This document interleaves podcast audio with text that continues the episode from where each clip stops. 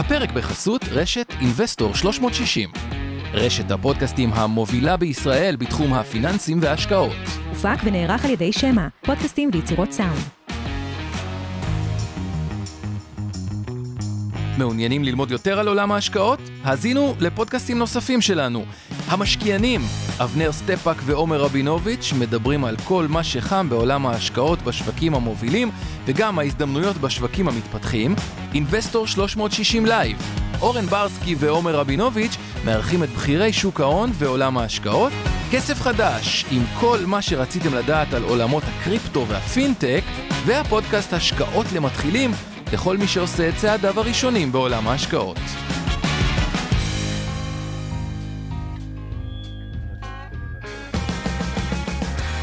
המשקיענים. אבנר סטפאק ועומר רבינוביץ' בשיחה חופשית על התחומים החמים ביותר בעולם ההשקעות. ערב טוב, עומר רבינוביץ'. ערב טוב, אבנר, ואני אומר, נצלול ישר ככה אה, לעניינים. יש לנו רוסיה, יש לנו הייתה לנו אוקראינה. אוקראינה, הייתה לנו אוקראינה. כן. אה, אגב, תראה, אני אתקיל אותך ככה בהתקלה ראשונה, מה אוכלוסיית רוסיה? אתה יודע? 122 מיליון איש. קצת יותר בעצם. סליחה. 143 זהו, מיליון רוצה להגיד איש. זה 140. מה אוכלוסיית אוקראינה ככה? בואו נראה הצופים שלנו. הרבה. פחות, דרמטית. בערך פחות. 48 מיליון כן. איש, אבל שתבינו כמה רגע, אני רוצה לתת לכם תחושה טובה רגע להתחיל. לאלה הרבה יש פעמים- 2,100 מסוקים, לאלה יש 100, ראיתי את כל השוואות האלה, כמה טנקים, כמה זה, אבל הרבה פעמים צוללות. אנשים גרעיניות. בארץ מרגישים שכאילו, אה, וואלה, לא סוגרים את החודש, קשה, אנחנו מרוויחים מעט. התחושה היא שהם מרוויחים מעט, נגיד, גם מי שמרוויח, קרוב למינימום. גם מי שמרוויח אה, אה, 15,000 שקל בחודש שם במדינה, חלק מהאנשים, שזה משכורת מעל הממוצע. מעל הממוצע, 50% מעל הממוצע כמעט, או לא, קצת עלה 40% מהממוצע, הרבה פעמים מרגיש, שכר הממוצע היום הוא זה- בערך 11.5 אלף שקל, אז... כן, קצת, אז, אז יפה. תמ"ג לנפש בגרמניה, באוקראינה. במשך שנה שלמה, האוקראיני בממוצע ירוויח כ-5,000 דולר לשנה. 400 דולר לחודש. לא ל- 1,300 לא שקלים לחודש. לחודש. אה, אגב, ברוסיה המצב יותר טוב, אבל עדיין, 11,000 דולר לשנה. כלומר, רק שנקבל פרופורציה, עד כמה ישראל היא במצב אה, פר נפש שהוא יחסית אה, אה, בסדר, אבל לא מזה רציתי שנתחיל. הדיון היום מתחלק לשתיים. החלק הראשון, נזכיר, עשינו את זה גם אגב בחלק על המרג'ין קול, שאני ממליץ גם, למתקדמים אה, למתקדמים. היה פה סשן מאוד מאוד מעניין, שרלוונטי, אגב, אולי אפילו יותר למשקיעים מתקדמים מאשר מתחילים שהם כל כך מתחילים, על הנושא של margin call, שmargin call זה פעולה מאוד אגרסיבית, אגב, אה, אה, של הבנק, שאומר, או תביאו עוד כסף, או שאני... כן, זה כשלקחתם הלוואה בניירות ערך, אנחנו נתמצת, כי לא נחזור לשעה הקודמת, אבל לקחתם הלוואה, יש לכם 100,000 שקל אה, תיק ניירות ערך, לקחתם הלוואה של עוד 100,000 שקל, והבנק אה, עשה איתכם בהסכם איזשהו סעיף שאומר, נפשט את זה, שאם התיק ירד מתחת ל-130,000 שקלים טוטל, הרי התחלתם ב-200 מההון מההלוואה, אם התיק יורד ב-35% על ה-200,000, כלומר ב-70,000 שקל הפסד, אתם עכשיו ב-130, עכשיו הוא אומר, תתחילו מהשקל הזה ומטה, תתחילו או לחזק ביטחונות, או שאני מממש לכם את הפוזיציה ומוכר את כל תיק המניות שלכם. אה, אה, נכון מאוד, והוא גם לא אומר לכם את זה, אתה יודע, יש לכם 24 שעות להביא כסף, או 48 שעות, אה, חצי שעה. או חצי שעה, אוקיי? אה, מהבחינה הזאת. ועל איזה רקע עשינו את הנושא של מרג'ין קול? היא תיאורטית, אה, על רקע ששוק המניות, ואולי נסביר רק את עיקרי הדברים, עושה תשואה של 8, 9, 10 אחוזים, עולה הרבה שאלה, וגם נתקלתי את זה באחרונה, למה, למה לא לעבוד עם זה בצורה אה, ממונפת? עצור שנייה, בוא נגיד קצת תודה, לא יפה. קודם כל, קהל יקר וחשוב שלנו, חרשים ולקויי שמיעה, אתם מוזמנים, raise your hand, יש לכם את איתן גרבר שעושה תרגום שפת סימנים. שתיים, מי שרוצה לראות כתוביות, יש לנו את מיכל ירמוך, שעושה לנו את התמלול עכשיו בשעה הזאת. שלוש, תודה לאורן ברסקי, עמי ארביב ואור חלמיש מצוות אינבסטור, אורי טולדנו שאיתנו באולפן משם הפודקאסטים שעושה את הפודקאסט, וכמובן לאורז גצליק הגדול שמשדר אותנו מהבית ומפיק את כל השידור הזה. ואנחנו מזכירים שאנחנו גם משודרים בקבוצת משקיעים בדרך לעצמאות כלכלית של אור אריאל האופטימית, קבוצה נהדרת בפייסבוק. בסדר? מושלם. מעולה. אוקיי, יפה. יאללה. אז בעצם, מה באנו ואמרנו שנעשה היום? אז החלק הראשון, אני חושב ששני החלקים די משלימים, הוא להסביר רגע, אם שוק המניות עושה 8-19% בשנה, למה לא לעבוד איתו ממונף? זה היה החלק הראשון שעשינו, כאמור, בהשקעות אה, אה, למתחילים. הסברנו, ואני רק, רק על זה אחזור בקצרה, כי זה, לדעתי אולי הנקודה החשובה ביותר בשוק ההון בכלל, היא את המתמטיקה מאחורי העליות. אה, בשווקים לאורך זמן, ומסתכל על פינת המכפילים אחרי זה, שהיום אנחנו עומדים על מכפיל רווח ב-S&P של עתידי של 19.4, אבל לצורך העניין, בוא נגיד שמכפיל רווח 19, אה, או מכפיל רווח 20, זה תשואה של 5% בשנה, בגלל שתי סיבות. הראשונה, שמעמד הביניים בעולם גדל, גם אוכלוסיית העולם גדלה, אבל חלקים יותר ויותר גדולים מאוכלוסיית העולם נכנסים לאוכלוסיית, למעמד ה- הביניים. עד 2030 כבר קרוב ל-60% מאוכלוסיית העולם תהיה במה שנקרא מעמד הביניים, שזה הצרכנים של העולם, כלומר ציבור הצרכנים עולה, הכנסות. גדלות, הצמיחה, ואז יש את השיפור בפריון, בפרודקטיביות, טכנולוגיות, כל הדברים שאנחנו מדברים עליהם פה, אה, סאס סטארט-אפים. שני הדברים האלה גורמים לעלייה פרמננטית בשוק. אה, אה, אה, המניות. עכשיו, עולה השאלה הבאה, ש-this time is different. מה הכוונה this time is different? כשמגיע משהו של חוסר ודאות. בדרך כלל, אגב, זה לא היה מגפה כמו שעכשיו, אה, עם הקורונה, זה היה מקרה של גיאו-פוליטי. אה, האם זה הרגע הנכון למכור את אה, שוק המניות?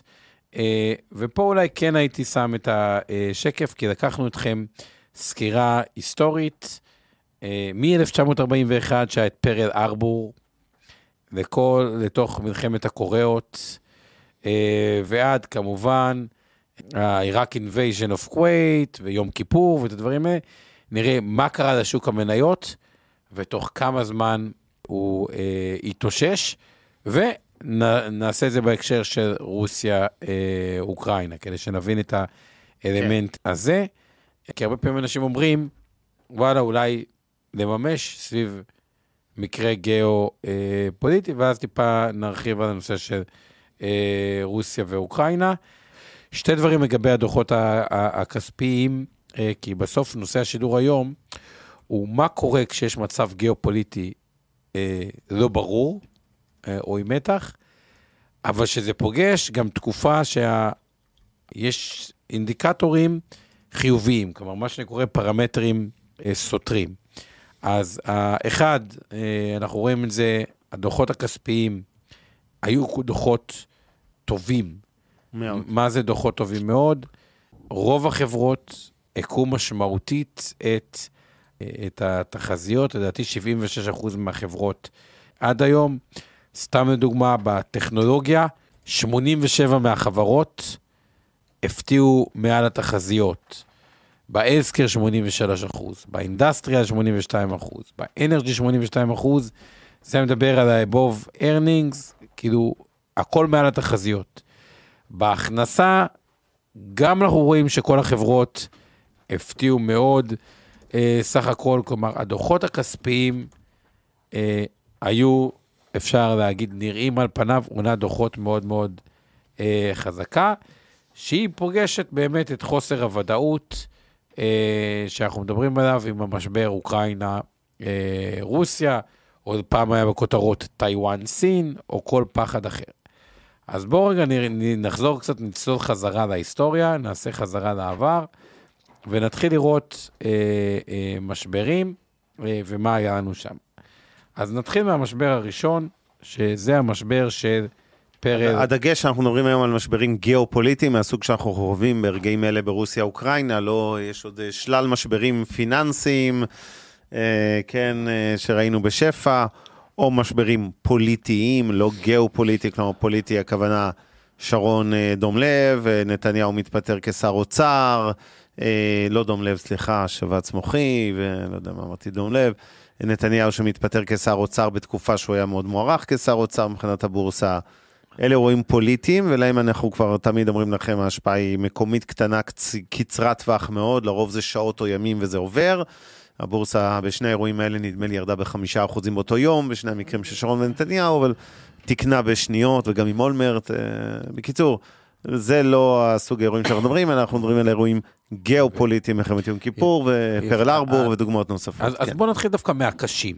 בהקשים נתייחס לשתי דברים, אחד, כמה זה ירד מהשיא וכמה זמן הלך להתחבר, ואז אני פשוט אקריא לכם את המשברים הלא קשים, כדי שתבינו ששם המספרים הם הרבה הרבה פחות גרועים ממה שנראה מהקשים. אז יאללה. פרל ארבל באמת היה אה, קשוח, זה תחתית הטבלה שאנחנו אה. רואים על המסך, אלה שצופים בנו ולא מאזינים, צריך לזכור את זה. השוק ירד ב-19.8 אחוז, ולקח לו 307 ימים להתאושש בחזרה. 307. וזה היה ב-1941.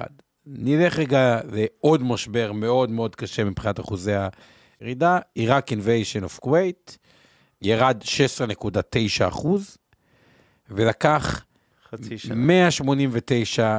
אה, ימים. משמה, הכל כבר נראה לא רציני. אז בואו נראה איזה דברים... היה את- הפלישה, אגב, של North Korea אה, עם. South Korea. המלחמה ב-1950 זה גם ירד 12.9 אחוז.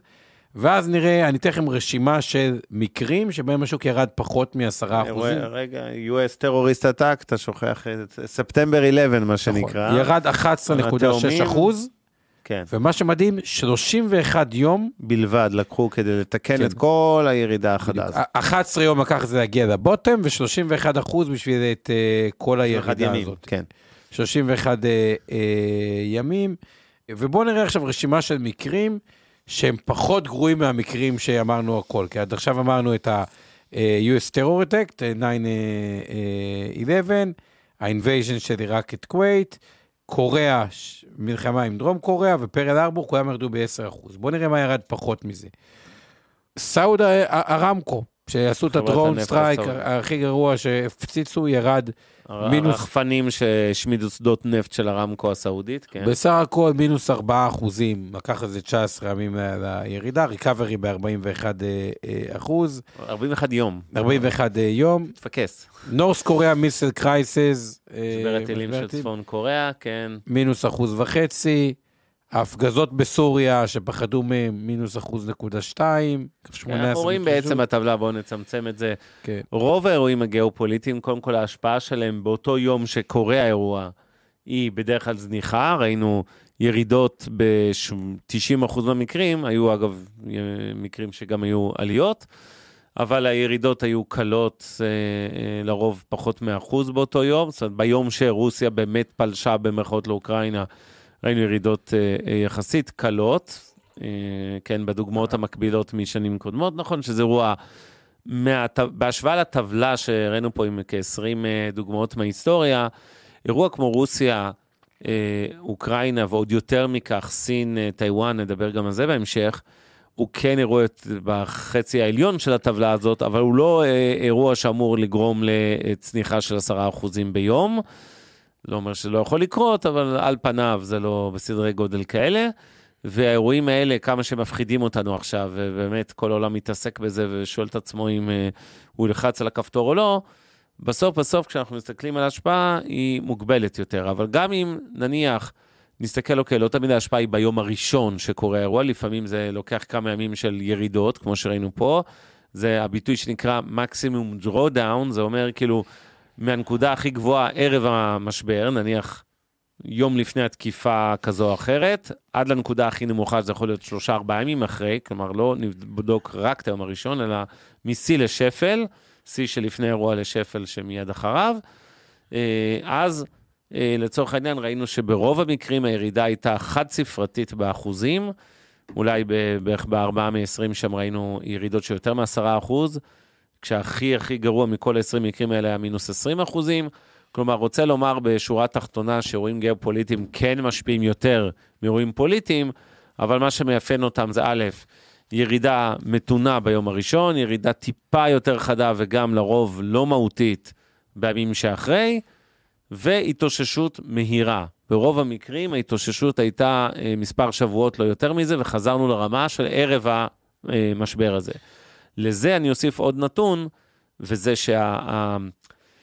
אה, צריך לזכור, אנחנו מדברים פה על נתונים היסטוריים וכל מיני השפעות וכולי, זה לא עומד בחלל ריק, זה לא שכל עולם עוצר מלכת ועכשיו רק יש רוסיה ואוקראינה, אנחנו באמצע עונת דוחות, כמו שהנושא שלנו על הערב זה בעצם המפגש הזה בין עונת דוחות מצוינת לבין אירוע שלילי כמו רוסיה-אוקראינה. אז, אז יש עוד משתנים שמשפיעים על הבורסות באותם אירועים, יכול להיות חלק, בחלק מהאירועים מהעבר זה היה גם משתנים שליליים, כי זה פגש את זה דווקא בתקופה של מיתון ומשבר כלכלי. הפעם זה פוגש את העולם בתקופה של צמיחה בדיוק, יחסית, עכשיו, זה והתאוששות. חשוב, רק מה שאבנר אמר עכשיו. למה?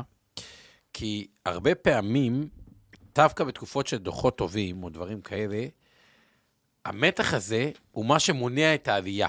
כלומר, תחשבו על זה כמו קפיץ שכאילו תכלס רצה לעלות למעלה, אבל אומר, רגע, יש מתיחות, יש זה, את הדברים האלה. ואז כשזה, כאילו, כשמבינים את הדינמיקה של העולם, עוד פעם אני חוזר, מכפיל רווח 20 זה ב-5% לשנה, סך הצמיחה בעולם אה, נמצאת בעלייה כי מעמד ביניים גדל, תוסיפו איזה פריון, כלומר, המניות רוצות לעלות, משהו עוצר בהן. אז כשזה פוגש גם עונת דוחות טובה, מה שגם המכפילים להיות יותר נמוכים, כשזה נפתר, זה הרבה פעמים בדיוק הטריגר והעלייה החזקה. אה, או, או לריקאבר יותר מהר, אבל אה, אה, תמשיך עוד רגע, אנחנו נעבור יותר לדבר על רוסיה כן, אז שואל- עצמה. שואלת אותנו חנה רוזנבוים, מה קרה בתקופת קנדה עם משבר הטילים? אתה יכול להחזיר רגע את הטבלה, כי הר- הראינו את הנתון, משבר הטילים של קובה. אה, הקוביאן מיסל אה, זה ב-1962, אנחנו מדברים על ירידה זניחה של 0.3% באותו יום, וירידה, השיא של פחות מ-1%, זה 0. לא, 6.6, 6.6. אה, סליחה, סליחה, 6.6, כן, טעות שלי, בכמה ימים, אוקיי? והתאוששות, המינוס 6.6 שזה חזר לנקודת האפס תוך 18 יום, שבועיים וחצי, נגמר האירוע. ו- מה זה אומר בין היתר? או מסקנת ביניים נוספת. קורה משבר גיאופוליטי, בדרך כלל השיא של המשבר הוא לא ביום הראשון, אלא בכמה ימים אחרי, אבל בגדול הוא כמעט תמיד הזדמנות קנייה. זאת אומרת, בסוף, אולי היום הראשון זה קצת מוקדם לקנות, אבל תסתכלו על היום השלישי, רביעי, חמישי של המשבר הזה, כשזה בדרך כלל מגיע לשפל, נקרא לזה, של אה, אה, אה, כן. התחתית של החבית, ושם הרבה פעמים. אתם רוצים דווקא לחזק, להגדיל את מרכיב המניות, כי ההתאוששות, כמו שראיתם פה, היא יחסית מהירה. בדיוק, במקרה קלאסי, דן חלוץ, כאילו, מה שקרה הרמטכ"ל כן. שלו, את ה... שחשב שבגלל מלחמה... בגלל מלחמה בורסה יורדת. ו- לא, סתם, הוא סתם היה צריך כסף באותו יום במקרה, והוא מכר את המניות. כן. הבנתי. אז אה, אוקיי, אז זה מסביר. אוקיי, אז... אז זה מהבחינה הזאת. עכשיו בואו נעבור קצת לדינמיקות. דינמיקות מעניינות, כי... תחזיר שוב, סליחה, שואלים אותה יום כיפור, רק אה, בכל זאת ניתן עוד איזה דוגמה, היא מופיעה פה בטבלה שלנו, אני לא זוכר בעל פה את הנתון, אבל אה, תופתעו לדעת, היה מאוד נמוך, אה, כמה שאני זוכר, אמנם לא נולדתי עוד במלחמת יום כיפור, אבל אני, כן, אפילו באותו יום, אגב, הבורסה עלתה בשלוש עשיריות האחוז, ימים אחרי זה ירדה בשש עשיריות, זה זניח, זה, זה אירוע נטול השפעה תוך שישה ימים. מלחמת יום כיפור, לא מלחמת ששת הימים, מלחמת יום כיפור כבר, הבורסה כבר עלתה חזרה. רק תזכרו דבר אחד, הבורסה מחפשת סיבה לעלות. הנוסחה הזאת עם מכפילים, כאילו רווח שוטף, הכנסה, פריון, היא נוסחה מאוד מאוד חזקה. ובגלל זה כדי שהיא לא תעלה, גם אם משהו יורד, כאילו, זה נוגד את טבעה של ה- ה- אה, אה, הבורסה, ובגלל זה שזה נפתר גם הריקאבר. עכשיו בואו נדבר טיפה דינמיקות. אה, ובואו רגע נדבר אה, למה האמריקאים, כדי להבין איך הכל מתקשר, גם כעניין אישי, לא רק כהשקעות. כמו שהכל מתקשר להשקעות, אבל כדי להבין, אה, אתה יכול לשים את השקף הזה בגדול. למה האמריקאים יכולים להרשות לעצמם להיות יותר, לדבר בחופשי על סנקציות שפוטין, הת- הת- כאילו, מאוד הצטער עליהם, אה, וגם הבריטים יכולים לדבר אה, ככה יותר בחופשיות. אה, ויש מדינות אחרות שקצת יותר, אולי הצרפתים קצת יותר מרשים לעצמם, ויש מדינות אחרות שקצת יותר אה, אה, משקשקות. אה, ופה צריכים להבין את התפקיד שרוסיה אה, מהווה. אז אם אנחנו מסתכלים על שוק הגז, אה, שזה מה שאנחנו רואים בצד אה, ימין פה, שמסתכלים, אז רוסיה היא באמת מעצמת אה, אה, גז מאוד מאוד חזקה. אגב, בנפט יש את ארה"ב, שאגב, באופן מפתיע, ארה"ב, אגב, זה מסביר חלק מהתהליכים, שאם פעם ארה"ב הייתה מאוד מחויבת למזרח התיכון, והייתה בזה, והייתה, ונורא היה חשוב לה, ולהגן, וגם הסעוד ערבי, אה, סעודיה. סעודיה, עם, אה, לא באנגלית, וגם זה נורא נורא מעורבת, וקצת רואים את התהליך של כאילו we don't give a shit כזה, כאילו תסתדרו, אה, מה שגורם אגב לישראל שתי דברים, אחד כל מיני מדינות אומרו, שני דברים, אחד פתאום, חלק מזה זה גם להבין תהליכים גיאופוליטיים, הש- השלום עם דובאי הוא על רקע כאילו הם מבינים, רגע, האמריקאים קצת יצאו מהמשחק, אה, אז הישראלים פתאום הם יותר פתרון לבעיה ולא הבעיה. זה מה שרואים שקרה בארצות הברית מ-2008 עד 2018. פעם ארצות הברית באמת הייתה צריכה נפט מהמקומות האלה. הייתה צריכה נפט מסעודיה אה, אה, ומרוסיה ומכל מיני מדינות. מהפכת פצלי השמן, עוד כל מיני אה, דברים. ארה"ב היום היא מעצמת הנפט הגדולה בעולם, מייצרת כדי להבין אה, אה, את הסכום, אה, 30 אחוז, אה, כאילו יותר מסעודיה, יותר מרוסיה. היא מייצרת כמעט 30, אה, אה, לדעתי, אה, מיליון חביות. אה, תבדוק את זה רגע, אני רוצה לדעת איזה... קוודריליון בריטיש טרמל יוניט, זו היחידה כן, פה. זה תעשה לי את זה בח- בחביות, אבל למעשה, ממצב שהיא ייצרה איזושהי יחידה, שתכף נוודא אותה, של 13, היא יותר מהכפילה את כושר האישור שלה. כלומר, ארה"ב היום היא עצמאית אנרגטית מבחינת הנפט, וגם מבחינת הגז, כושר הייצור שלה עלה מ-20 ביחידה כלשהי שהיא היחידה המקובלת, ל-32. תחשבו על זה, זה גידול עצום. וכשאתה עצמאי אנרגטית ואתה לא תלוי באנרגיה, אז באמת פחות אכפת לך מה קורה במזרח התיכון, אתה כבר לא תלוי בנפט משם או בגז מהמם. משם, ואתה יכול, זה מסביר חלק מהתהליך התכנסות, אמריקה for אמריקה, ו-let's be great again, ואנחנו לא צריכים להיות כבר כן. השוטר של העולם. אגב, הרבה יותר אכפת להם מטיוואן, ששם כל השבבים של כל התעשייה שלהם כן, אה, כן, טיוואן הם יגנו אה, יותר נמצאים, משמעותית כלומר, כי מאוקראינה, אז כן. אין אפל ואין כל מיני דברים כאלה. אה, אבל לעומת זאת, מה שאנחנו כן רואים, ופה זה מודגש, אם סעוד ערוביה מייצרת יותר נפט מאשר אה, רוסיה, סעודיה, למה אני אומר אה, סעוד, אה, את הדברים האלה? אז בתחום הגז, רוסיה היא מעצמה. ולא סתם מעצמה, היא מספקת חלק נכבד מהגז של אירופה, ויש מדינות שלגמרי תלויות בה. וזה מצב שהוא גורם למדינות שתלויות בה פשוט אה, יותר לשתוק, ולא לעצבן את ה, מה שנקרא הענק הרוסי. אה, ויש מדינות כמו בריטניה שפחות, או ארה"ב שפחות, שכאילו מרשות לעצמן קו יותר אה, אה, נצי. עוד רגע נדבר על התמונה הצבאית מוזה, אבל קודם כל אבנר אליך. הסיבה, אגב, ש, שלא מצוין פה חביות, זה כי זה כל מיני אה, סוגים שונים של אנרגיה, זה גם אה, אה, natural planet liquids, קונדנסט, זה כל מיני סוגים שונים. בגלל זה... וואו. אבל גם ארה"ב מייצרת יותר גז מרוסיה, גם את זה... מרוסיה, ומייצרת יותר אז מ- יותר נפט מסעודיה ומרוסיה. אה, וכו'. אגב, רוסיה גם מרשה לעצמה קצת יותר להיות חוצפנית עכשיו בכל מקרה, כי הרבה מאוד מההכנסה של רוסיה היא פונקציה כמעט, אה, אין שם הייטק מאוד מאוד אה, אה, עמוק. 32 אחוז מההכנסה שלה, אה, או מהייצוא שלה, הוא נפט. עכשיו, מחיר הנפט עולה, הם הרבה יותר חזקים, הרבה פחות צריכים את העולם, הקופה שלהם הרבה יותר אה, אה, מלאה, אה, עוד 13 אחוז אה, אה, פטרוליום גזז, כלומר, הכלכלה הזאת היא מאוד מאוד מוטית נפט וגז. כשמחירי הנפט וגז הם עולים, אז מן הסתם היא גם מרגישה יותר אה, אה, חזקה ויותר ביטחון, ויכולה יותר אה, לתמוך אה, בזה אליך. כן, אז קודם כל רוסיה ספציפית, אה, אם היה פה שיקול כלכלי מזמן, הם היו, לא, לא היו מת- מתחילים את כל הכינוס אה, כוחות צבאיים שלהם אה, באוקראינה ובלרוס, או סביב אוקראינה מהגבול הרוסי והבלרוסי, כי, כי בוא נגיד ככה, המכה שהם יחטפו כלכלית מהאירוע הזה, והם לא במצב to begin with מזהיר, גדולה עליהם לדעתי. אה, אבל, אבל זה לא שיקול כלכלי, זה אגו אה, של דיקטטור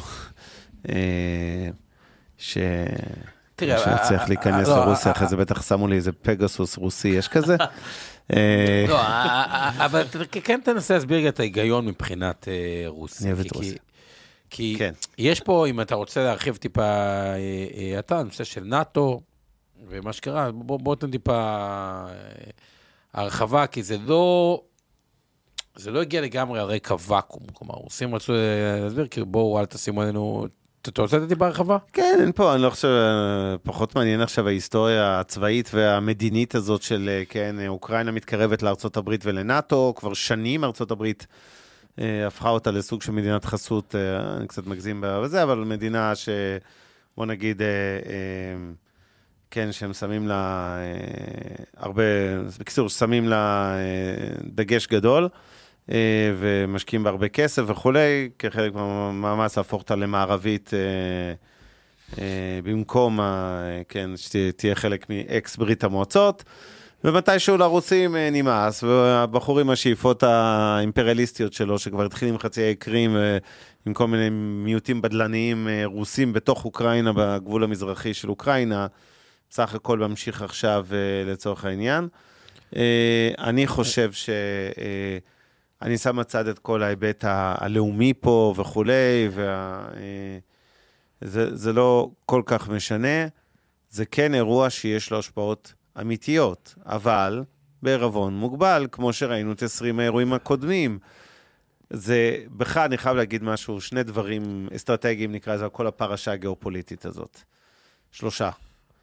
הצד השלילי ביותר זה, נקרא לזה סוג של אה, מבחן POC, קוראים לזה לפני הסיפור סין-טיוואן. אני חושב שאם יש זה- סכנה מרוסיה-אוקראינה, זה שסין תקבל אומץ לעשות את מה אה, שרוסיה תעשה לאוקראינה, לעשות לטיוואן, וזה כבר אה, different ballpark, כמו שאומרים. כן, ובגלל זה, לדעתי, בגלל הנקודה שאבנר אמר, אני חושב שלא תהיה את הפלישה הרוסית. כי בעצם, דווקא הסיטואציה סין-טיוואן, פוטין הוא בן אדם חכם, אוקיי?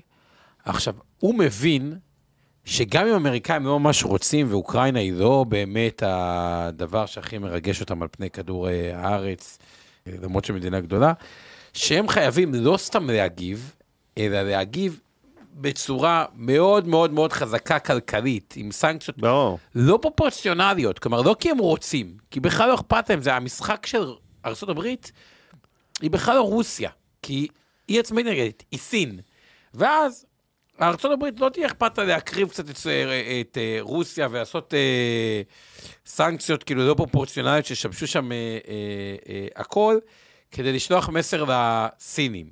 עכשיו, אני חושב שבאיזשהו מקום, אגב, וזה למה ביידן גם לא היה לו שום בעיה להתבטא על זה אה, בצורה שמאוד הולכים להצטער בצורה לא פרופורציונלית בסנקציות, אני חושב שזה באיזשהו מקום, אה, בגלל סיפור סין-טיוואן, אה, לעולם ולארה"ב בפרט חייבים לזה, וזה אחד דווקא הדברים שיש להם סיכוי טוב למנוע את ה...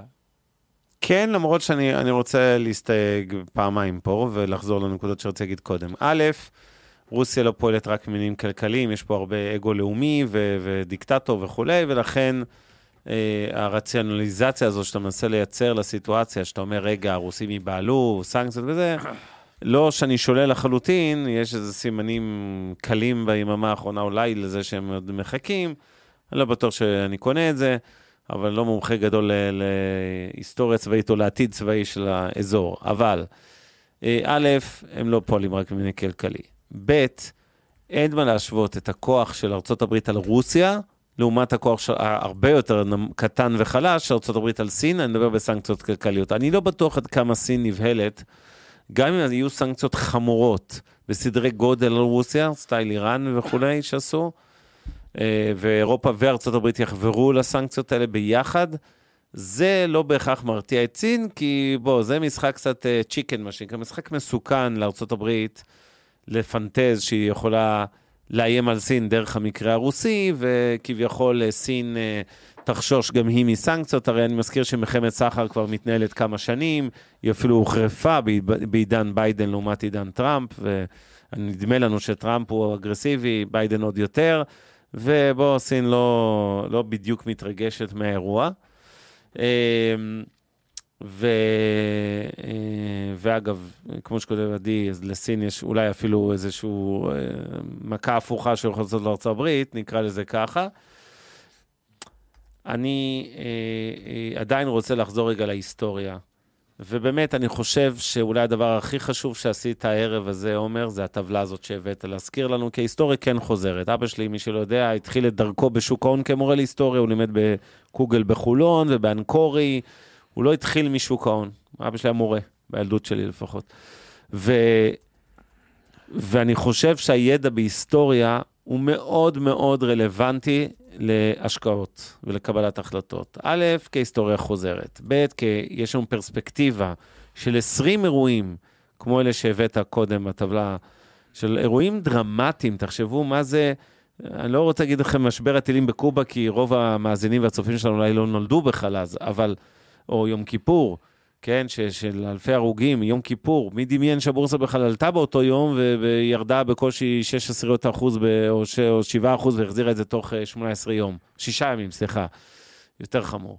ומי אה, דמיין שבספטמבר 11, שזה כן, אני מאמין שלא מעט מהמאזינים והצופים שלנו זוכרים את זה, כי זה היה רק לפני אה, קצת יותר מעשור, אה, עם התמונות המזעזעות האלה של התאומים קורסים וכל הפיגועים שהיה נראה כאילו who knows what next והעולם אה, חרב, ושוב, ראינו שכל המשברים האלה, דרמטיים שהם ככל שהם אה, היו מבחינת אה, מקום נפח שהם תפסו בחדשות, ב- בשידורים וכמה היינו מרותקים למסכים לראות מה קורה ב-real time, ההשפעה שלהם על הכסף שלנו, להבדיל, הייתה נמוכה, קצרת טווח ומוגבלת.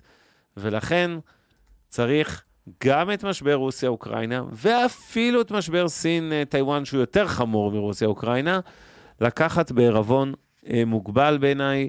יש, גם בלי רקע, גם אם לא היינו בתקופה של דוחות טובים כמו שאנחנו נמצאים, אז אה, בואו נגיד ככה, לא הייתי מסרב להתרגש יותר מדי.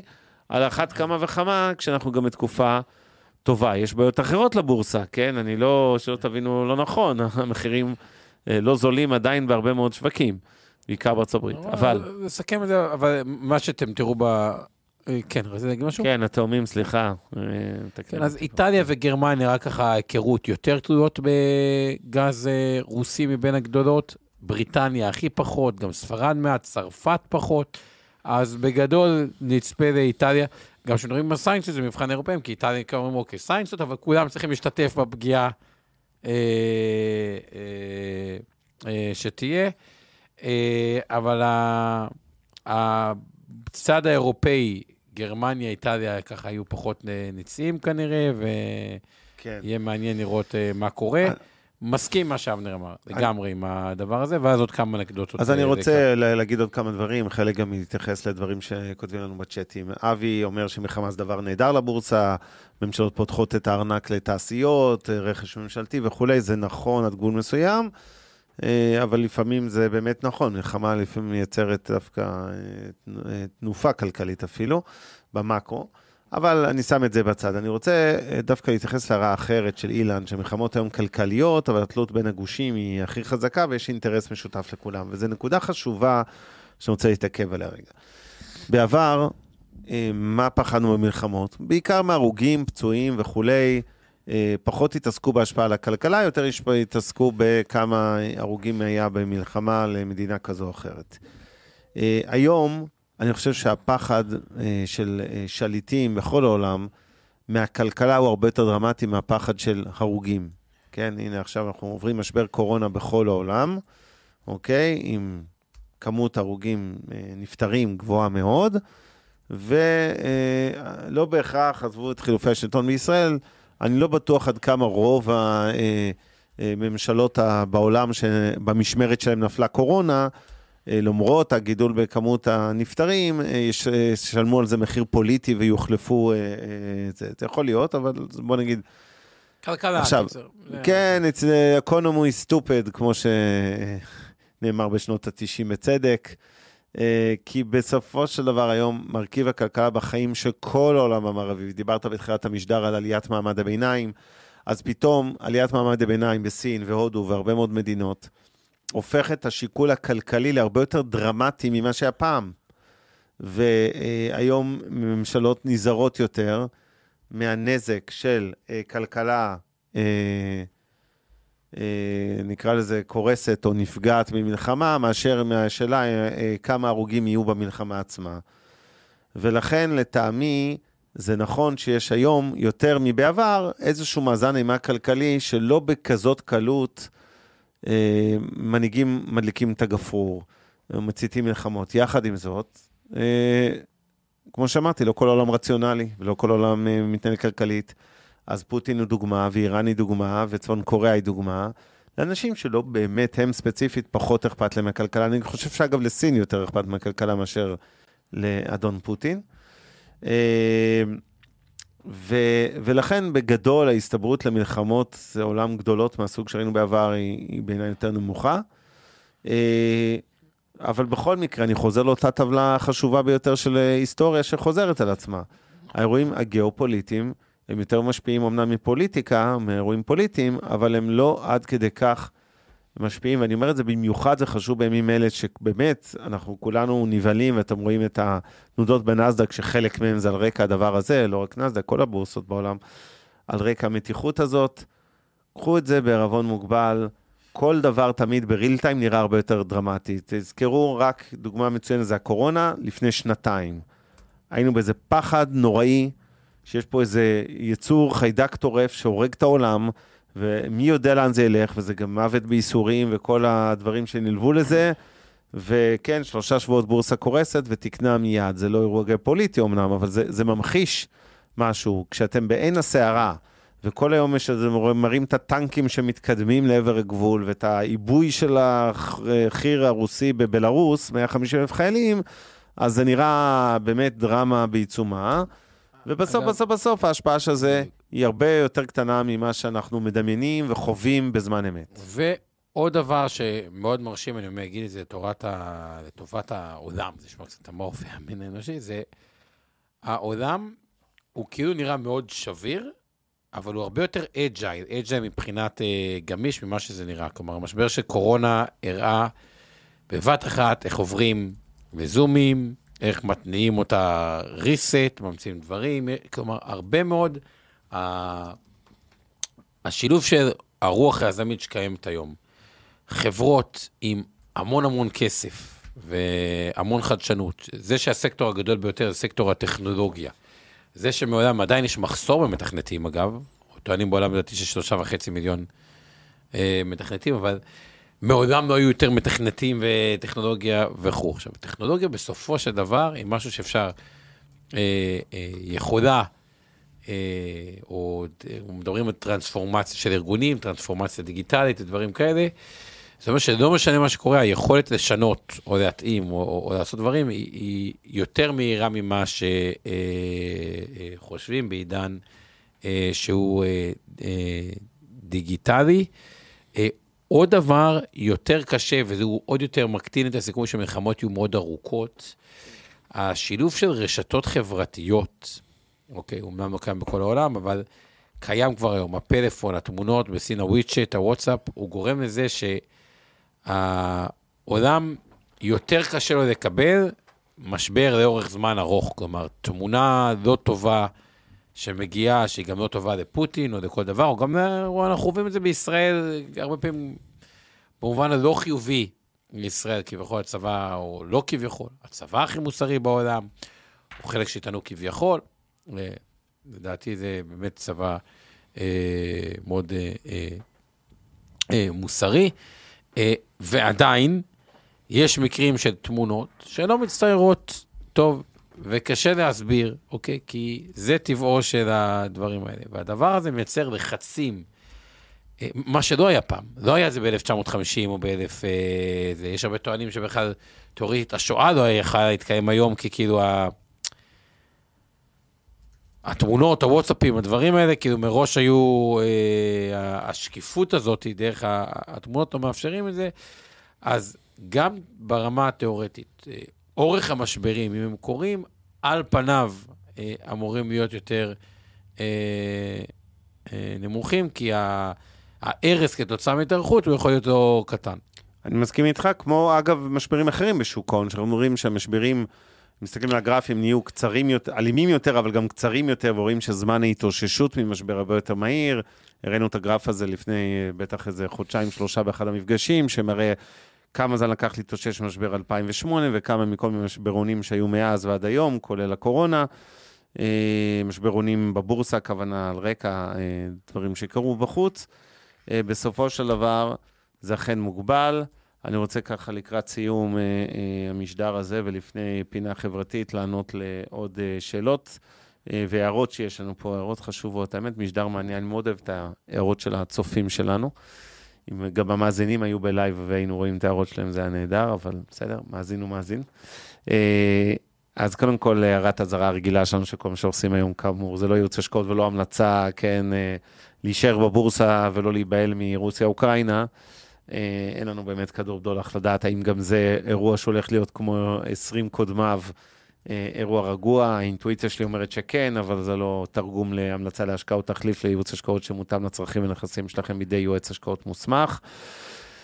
אה, אני כן, יש פה דיון באמת באמת מרתק, כבר נגיע אליו. אני כרגיל גונב מכם קצרצ'יק לפינה חברתית, ואני רוצה לספר על אה, השבוע שלי, כי פגשתי מקום מדהים.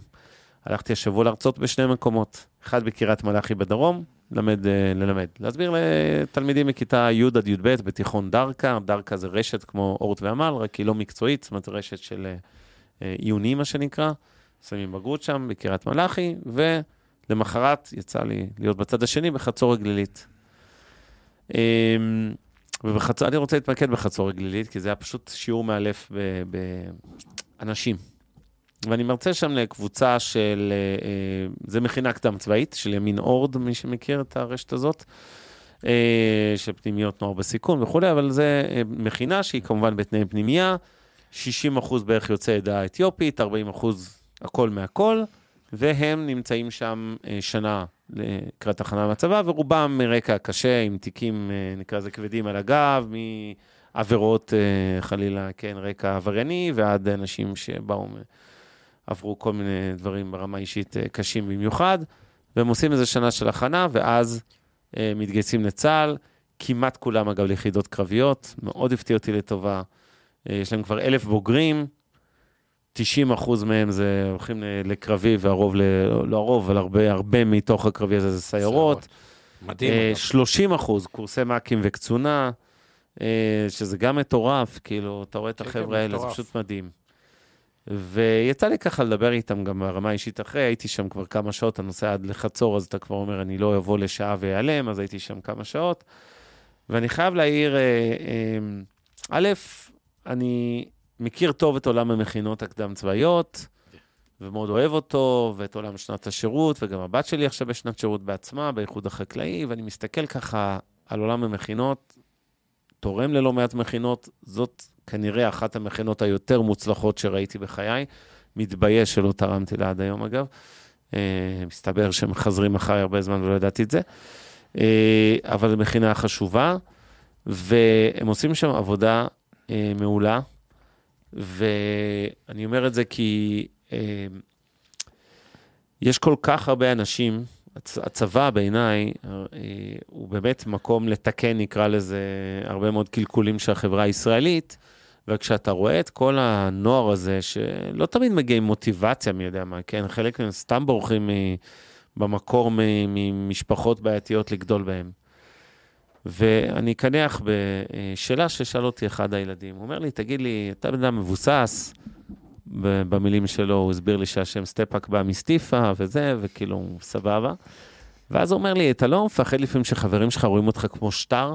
זאת אומרת, כאילו, הם איתך בגלל הכסף בתרגום לעברית? ואז אמרתי לו, תשמע, חברי ילדות שלי שגדלו איתי ברמת גן, אלה מהם שאני יודע מקשר איתם, אז מן הסתם ברור שלא, כי גדלנו בשכונת אה, הגפן, ברמת גן, שכונה רגילה. ואני לא מרגיש שגם אלה שצירפתי לאורך השנים עם מעגלים שונים מהצבא, אוניברסיטה וכולי, מילואים, סיפורים, לא נראה לי שהם רק בגלל הכסף, ואם מישהו, אני מרגיש מנוצל, אני יודע להתרחק גם מכאלה שמנסים לתפוס טרמפ. אבל לא הבנתי למה הוא שואל אותי את השאלה הזו, ואז שאלתי אותו ככה מיד אחרי ההרצאה, כי זה היה ככה ליד כולם, למה אתה אומר את זה? הוא אומר, תשמע, אני הייתי סוחר סמים, ילד בן 18 וחצי, כן. אני עד לפני כמה חודשים הייתי סוחר סמים. ואני הפעלתי חיילים, חבר'ה בי"א י"ב תחתיי, שהיו סוחרים מטעמי. ואני לא רגיל להסתובב, אני פה מקבל דמי כיס 400 שקל במכינה, ואני מרגיש עני, אני תמיד יש לי לפחות 3,000 שקל מזומן בכל רגע נתון בכיס מכל הסמים וזה. ואז אני יוצא שבתות הביתה, וצוחקים עליי כל החבר'ה, כל אלה שאני פרנסתי אותם במרכאות, כן, אה, פרנסה גם כן, הם צוחקים עליי, כי עכשיו אני עני, ובמרכאות, כן, הם עושים את הכסף, כי הוא כבר יצא מהמכירות סמים. והוא אומר, הבנתי שהם כולם מסתכסים אליי כמו שטר, כי אני מבחינתם הייתי, אה, כן, מישהו שעם כיסים עמוקים במרכאות, שמפרנס אותם, לא נעים להגיד, מסמים. ואתה מקבל איזו פרספקטיבה מהמקרים האלה, לא על החיים שלי, בסדר? אבל כאילו, וואלה, איזה דברים הזויים קורים במדינה שלנו. וכאילו, הוא ממש דחוי חברתית פתאום, וכאילו, יש לזה השפעות, כן? אז בסדר, הוא מצא עולם חדש וטוב יותר במכינה, והוא ילך לצבא והכול יסתדר. אבל אני חושב בהכללה רגע שהמכינות האלה נורא חשובות, לא מדבר רק על זאת של חצור הגלילית, שאני מאוד אהבתי ואני בוודאי הולך להירתם למענם. יש עשרות מכינות בישראל, אה, מכל המינים והסוגים, זה כבר לא עולם רק של כיפות סרוגות או רק של איקס, יש נוער בסיכון, ויש באמת הכל מהכל, וחילונים ולא חילונים וכולי.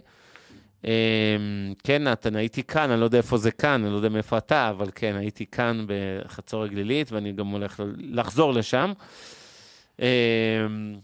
וזהו, אז עד כאן הפינה החברתית, ועכשיו אני רוצה להתייחס ל... אז רגע, כן. אגב, כבוגר מכינה, קודם כל מאוד ממליץ על מכינות. מעיין ברוך. באמת? לא ידעתי את זה. כן, כן, אה, נכון. דיברנו על זה, מעיין ברוך. זה לא קשור לקיבוץ מעיין ברוך, או שקשור?